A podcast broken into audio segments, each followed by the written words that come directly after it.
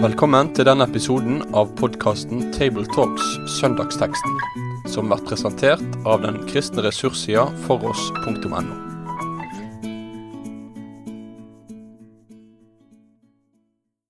Da ønsker vi velkommen til eh, en ny episode i Tabletalks. Eh, og dette er søndag, den 17. søndag i treenigheten, og teksten vår den er i dag henta fra Lukas kapittel 7, vers 11-17, om enkens sønn i Nain. Eh, det er Øyvind Solheim, Sofie Braut og Jan Helge Aarseth som er kommet her, og nå vil Øyvind få lese teksten til oss først. Dagen etter skjedde det at han dro til en by som heter Nain. Mange av disiplene hans og mye folk gikk dit sammen med ham. Da han nærmet seg byporten, se, da ble en død båret ut. Han var sin mors eneste sønn, og hun var enke. Mye folk fra byen var med henne. Da Herren så henne, fikk han medynk med henne og sa til henne, gråt ikke. Så gikk han bortil og rørte ved båren. De som bar den, stanset, og han sa, Unge mann, jeg sier deg, stå opp. Da satte den døde seg opp og begynte å tale, og han ga ham til hans mor. Alle ble da grepet av frykt, og de priste Gud og sa, En stor profet er reist opp iblant oss, og Gud har gjestet sitt folk. Og dette ordet om ham kom ut i hele Judea og i hele landet der omkring. Ja, Herre Jesus, gi oss en god samtale, og må du åpne denne teksten for oss nå i denne stund. Amen. Ja, Nå møter oss Jesus sitt lille følge, og vi oss kommer altså til en eh, by som heter Nain.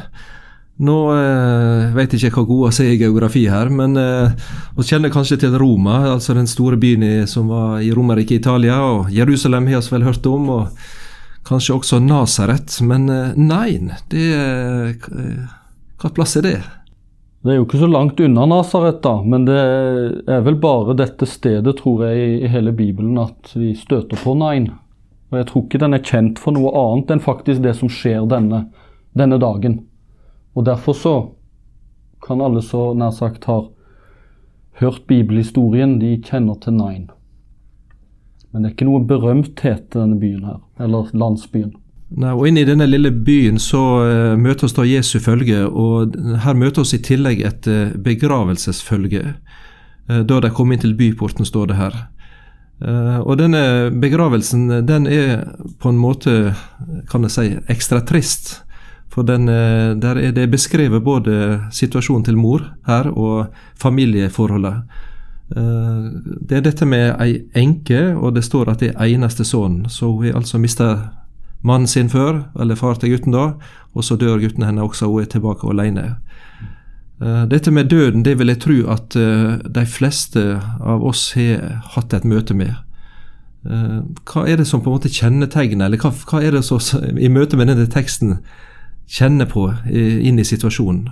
En kjenner vel litt på noe av det håpløse, altså at døden rår vi ikke med. Det er liksom ingen vei tilbake.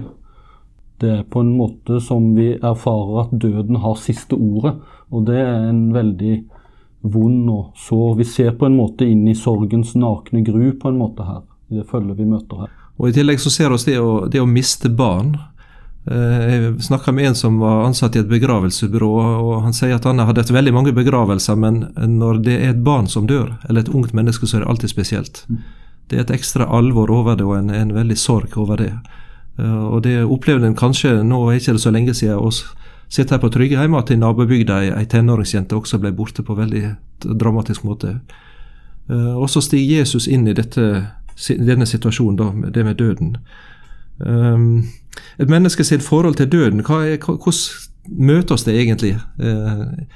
Er det noe eksempel på det? Hvordan takler mennesket møtet med døden? Det er jo noe med denne maktesløse og den der opplevelsen ja, som, som, nettopp ble sagt her, at det, at det, er noe som er veldig endelig. Og, og det, det, er jo ikke tvil om at dette her er en veldig lada situasjon der, der det er ei dyp sorg eh, som preger alle. På en, døden er jo alltid omgitt av sorg, men det er som du sier, noen situasjoner der det blir veldig tydelig. Og enka her i den sosiale situasjonen er jo sendt i en sikkert båndløs fortvilelse. Både følelsesmessig og på det rent praktiske og økonomiske plan. og eh, På mange vis så er det dette veldige alvoret som slår imot, eh, og som helt sikkert gjør at Jesus reagerer som han gjør, med en inderlig medfølelse. Eh, nå er det ikke så lenge siden jeg var i en humanistisk begravelse. og Den som leda seremonien der, sa veldig konkret at nå er det punktum. Det er ikke mer. Det er slutt. Og det å se tilbake, det er de gode minnene om ting som var. Um, det er noe som ligger i oss dette. Du Øyvind har hatt et eksempel fra Japan som du tok fram for oss her. I møte med, med, dødens håpløshet og maktesløsheten en opplever, så er det samtidig hos de fleste en, en veldig lengsel om at det skal være noe bakenfor eller bortenfor. Og en skulle ønske en kunne på en måte få kontakt med sine kjære. Og Det gir seg forskjellige utslag. og I, i, i Japan, denne konkrete saken, så er det i forbindelse med tsunamien i 2011 at det faktisk er en telefonkiosk av alle ting som er blitt et valfartsmål. Eh, for det var en mann rett nok før tsunamien som hadde mista et søskenbarn, og så hadde han satt opp denne telefonkiosken med en telefon uten forbindelse. Og hvor han gikk inn også for å snakke så å si med søskenbarnet sitt. Han eh, hadde behov for på en måte å opprette en kontakt.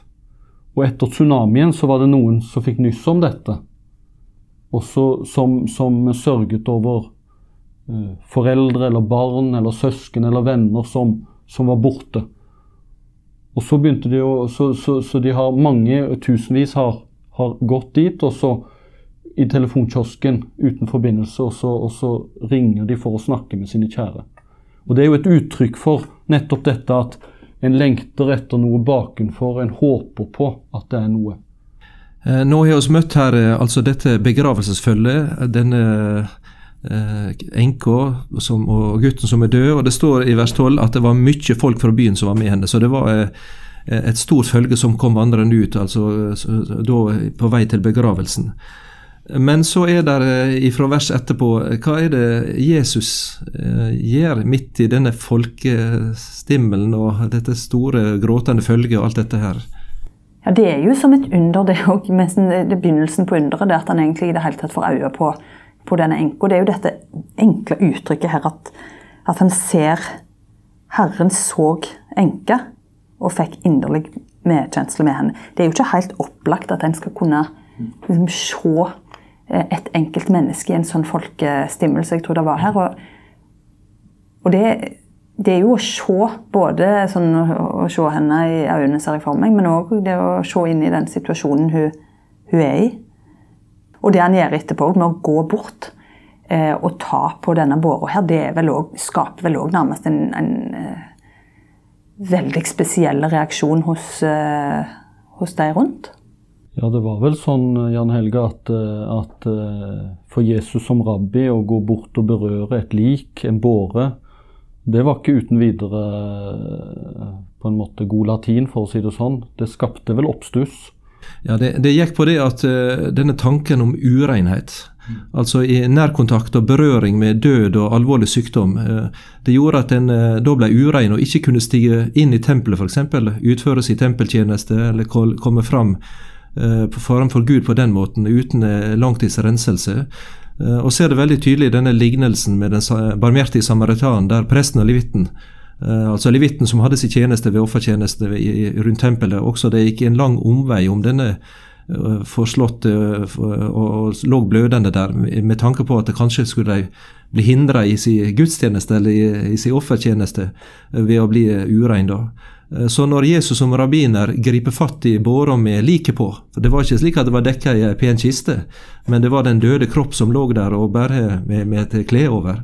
Eh, så var det egentlig sjokkerende. På samme måte som den gang da Jesus greip fatt i en spedalsk og rørte ved han, som også var regna som urein pga. smittefaren. Eh, men Jesus gjorde det. Ja, Det sier også noe om at Jesus ikke var redd for berøring med det onde, med det urene, med synden og med Han gikk inn i mørket, smerten og, og det vonde. Ja, jeg ser også egentlig for meg dette som en sånn eh, scene der liksom alt nærmest stopper opp, og, og, og folk ja, kanskje holder pusten, noen er sjokkerte. Noen, altså Det er mange forskjellige reaksjoner på dette, men liksom det, det, er et veldig sånn fortetta øyeblikk det når han går frem der. Ja, og Hvis en eh, går tilbake til Det gamle testamentet, en kan tenke på den aronittiske velsignelsen som blir lest i hver gudstjeneste, så handler det om eh, rett og slett at Guds ansikt og Guds åsyn, dvs. Si Guds øye, ser oss og er nær og ser vår situasjon. Eh, og det er en del av at Gud er der med sin velsignelse. Og det motsatte, eh, forbannelsen, da, er at han vender ryggen til eh, og ser oss ikke og er borte fra oss. Men det jeg syns jeg er flott her, da, at, at her, det, her, kommer ikke Jesus med sin hjelp fordi han blir tilkalt eller bedt om det, men det er han som ser henne. Og det er han som uoppfordra overraskende, egentlig. Det må ha vært overraskende for denne enken at det plutselig eh, Jesus stopper opp, berører båren og sier at hun skal ikke gråte, og så, og, og så begynner å snakke til gutten hennes. Og han reiser seg opp. Det, det sier meg noe òg om at det er ikke bare når vi ber altså Vi har en slags forestilling om at kanskje Gud bare griper inn når vi ber, ber han, eller om vi er fromme nok, eller sånne ting. men men her er det jeg som opplever, helt uoppfordra, helt overraskende, helt ufortjent om en vil, at Jesus kommer og griper inn til hjelp, til utfrielse. Ja, og ser han også at eh, Jesu eh, handling er ikke bare tomme ord, men en kan vel si at han er den eneste ikke bare i det følget, men i, i, i, verdenshistorien, som både kunne si og gjøre noe sånn. Mm. Eh, ikke bare ved å love det, som en kan love, det er lett å, å slingre det ut, men i fakt, praktisk handling viser at han er den som ikke bare ser og, og har miskunn og tar initiativ til å gripe inn, men han har makt til å forandre på livssituasjonen. Og døden, som også er det siste, eh, det har han også herre over, og kan, og, og kan snu opp ned og skape liv der det er dødt. Eh, han er skaperen og, og, verdens herre og hersker, og den som stiger ned til det, den minste og til den mest smertelige situasjonen. Eh, det er Kristus i det. Så her er det døden som møter selve livet, livets opphav. Og han som kunne si som på skapelsesmorgen, bli lys. Og han sier til denne gutten, som om han nær sagt var bare sov i senga si, reis deg opp. Og så, og så reiser han seg opp og begynner å snakke. Ja, han gir jo et kraftfullt uh, Han fyller jo ordet med liv på en kraftfull måte, dette at han er oppstandelsen og livet. Mm. Så selv om det ikke var så vanlig med dødeoppvekkelse, så er det jo ikke tvil om at, at her får en dette eh, ordet fra romerbrevet òg seinere, der det er liksom ingenting som kan skille oss fra Guds kjærlighet. Da, og at, uh, at en går på en spesiell måte bare for å oppleve sannheten i det. Nå er det ikke så veldig mange eksempel på dødesoppvekkelse i, eh, både i Den gamle og Det nye testamentet. Eh, jeg tror vi eh, prøvde å telle var det tre vi kom fram til her i evangeliet. Og Totalt sett så er de eksemplene på at døde blir reist opp, veldig få. Der er to nesten litt parallelle eksempel i Gamle testamentet. og Det er fra første kongebok 17, vers 17 og utover, om enken i Sarepta Eh, der profeten vekker opp hennes døde sønn. Eh, og så har du Elisha, profeten Elisha også, som vekker opp eh, gutten, en ung gutt til ei kvinne til mor enn fader, i andre kongebok fire. Så det er ikke så veldig ofte. Så hvis en vil påstå at dette er så alminnelig at enhver kristen skal gå rundt og være i stand til å vekke døde, så er det vel kanskje litt mer enn det som Bibelen vil si til oss, kanskje? Ja, jeg tror nok det. Og jeg tror det nettopp det at det er så få ganger det skjer, eh, forteller oss vel noe om at uh, dette er på en måte tegn eller peker på noe større. Nettopp at Jesus er oppstandelsen og livet. At han skal uh, beseire døden, og at han gir et framtidshåp, en framtidsvisjon. Et glimt inn i, inn i så å si den nye himmel og den nye jords vilkår. Hvor uh, hvor døden ikke skal være, gråten ikke skal være. Så han, han, foregriper på en måte altså, Det er bare han som tror jeg kan komme til et sorgfølge eller eh, gråtende følge eh, og, og, si 'gråt ikke'. I dag ville vi iallfall ikke anbefale å gå til sørgende og si 'slutt, slutt å gråte'. Slutt med denne skrikingen. Eh, men han sier det med en myndighet som ingen andre har. Fordi han vet at han er herre over døden. Men det er en veldig stor forskjell på en kristen begravelse og en humanistisk, eller en som du kan møte i en animistisk Afrika. Og det er at i en kristen begravelse så vil ordet om den døde og oppstandende Jesus bli forkynt. Eh, At den som døde for vår synd på et korstre, han er ikke død nå, men eh, graven er tom, og han er den oppreiste og levende Jesus som sjøl lever i dag. Eh, Og det er noe som oss en dag, sier Bibelen, skal få oppleve eh, skal gjelde oss alle. Og Det er opplagt at denne gutten som enka ble glad over å få igjen, han døde igjen. Eller Lasarus, som eh, fikk, de fikk høre dette med at det er oppstandelse av livet. Han lever ikke i dag. Eh, Så døden kom til dem. Det var midlertidig. Eh, Men en dag så skal det, den evige oppstandelse finne sted i trua på Jesus Kristus og, og være med Han. Ja, han bringer jo på en måte håp inn i det mest håpløse i vår menneskelige erfaring. At eh, døden har faktisk ikke siste ordet. Jeg er herre over døden. Jeg er oppstandelsen og livet. Og derfor så kan jo Paulus si til tessalonikerne at de skal trøste hverandre. Vi skal ikke sørge som de som ikke har håp. Sant? For vi har et håp. Vi har samme erfaring med døden som alle andre. De kristne i dag erfarer heller ikke at deres kjære står opp igjen fra graven. Men vi har et levende håp. Vi har et fantastisk framtidshåp. Og det er jo det Jesus bringer inn her. Ja, for det er jo nettopp noe med den der, teik, altså den der dimensjonen at dette er et tegn, og det peker utover denne konkrete situasjonen, selv om den er veldig avgjørende for, for enka. Eh, Kanskje Sofie, du eh, og snakket litt om det i samtalen i forkant, at i i det som følger etterpå her, så er Jesus, Jesus et ord til Johannes døperen. Eh, Det som er i vers 22, Sofie, kanskje du kan lese det? Det, det er når eh, døperen får høre dette med, med Jesus, eh, og hva som blir sagt der. Ja, for her sier, jo, eh, her sier jo Jesus Gå og fortell Johannes hva dere har sett og hørt. Blinde ser, lamme går, spedalske blir reine og døve hører. Døde står opp, og evangeliet blir forkynt for fattige. Eh, Så her bruker altså Jesus dette som et tegn, som han også forkynner til Johannes døperen, men også til oss, om at den som er- står her, det er Messias, Kristus. Det er Guds sønn som er sendt til jord til frelse for hvert menneske som kommer til han. Um, Når det gjelder dette som Jesus gjør i denne gravfølget eh, altså Du Sofie nevnte på det at han grep greip fatt i, i båra og, og holdt på den. Eh, Men han gjorde også noe mer. Kanskje vi kan eh, nevne det. Hva var det Jesus gjorde i tillegg til på, på en måte at han stoppet det opp og, og sjokkere dem ved å røre ved, ved den døde og ved, ved båra som han ligger på? Han gir jo denne unge gutten tilbake til mor si, og gjør jo den koblinga mellom de helt eh, helt åpen og synlig. Og, og jeg tenker det òg at han får livet tilbake. Ikke bare han gutten her, ikke bare for, for seg sjøl og for sitt eget, for at det blir liksom å fortsette hans eget liv, men han, han gis tilbake til, til mor si. Og det er så kraftig jeg, påminning om at livet er jo ikke bare for oss sjøl. Vi lever jo livet i veldig sånn nær forbindelse med andre. Og at vi blir gitt som gaver til, til hverandre òg.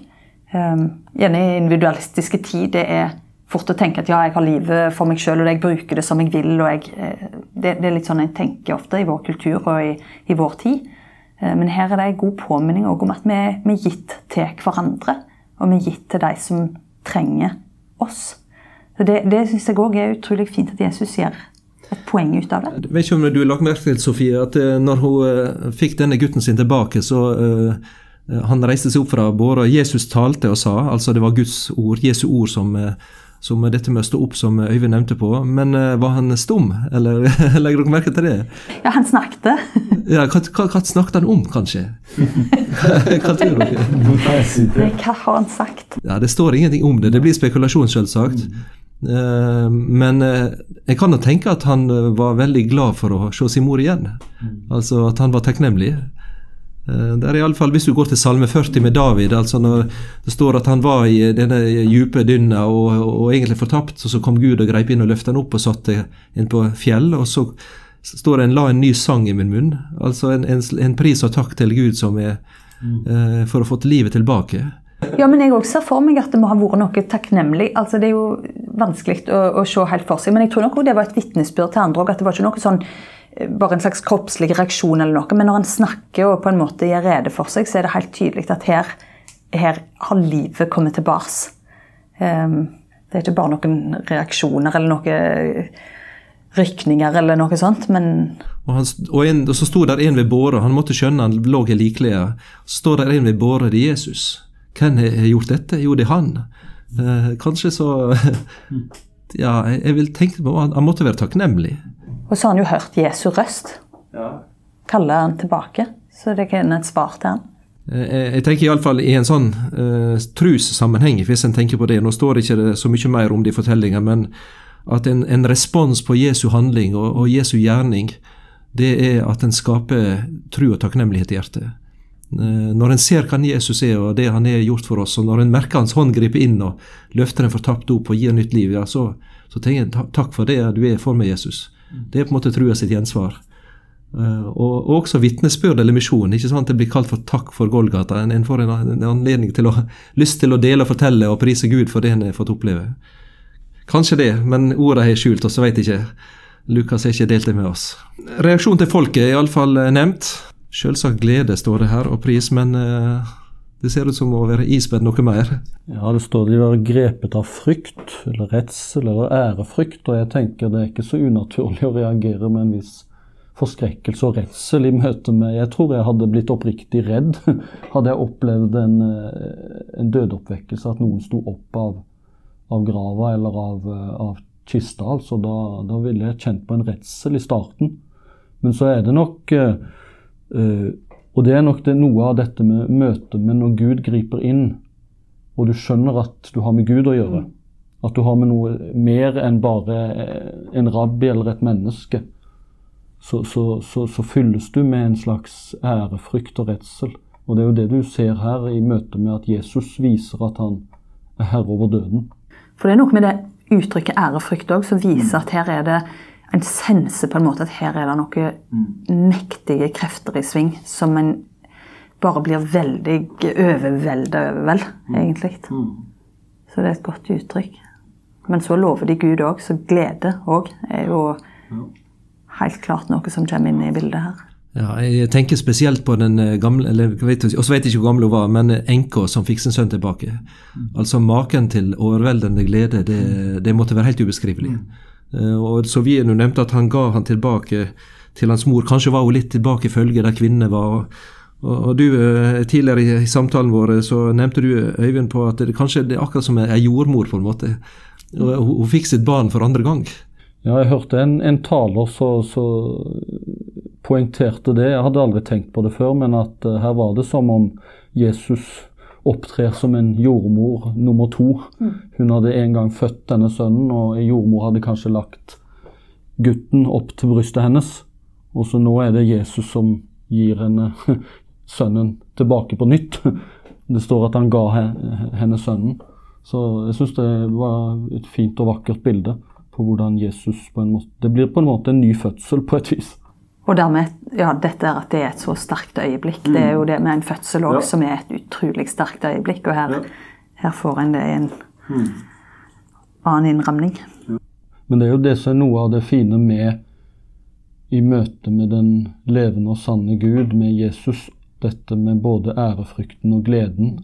Tilbedelsen rommer begge deler, og det er noe med at Gud, gudskjelov, er større enn oss. Og det er nettopp derfor han kan komme oss til hjelp. Det er nettopp derfor han kan være et håp midt i en håpløs verden. Fordi han er større og sterkere. Hvis ikke Gud hadde vært Gud, så, så hadde det ikke vært så mye. For det er tydelig i denne fortellinga her, så ser oss at til slutt så eh, blir alles øyne vendt mot Jesus. De lurer på hvem er han Eh, han. De nevner profeten, eh, kanskje fordi det er nevnt eh, de fortellingene fra Gamle testamentet, men de er iallfall i undring over han.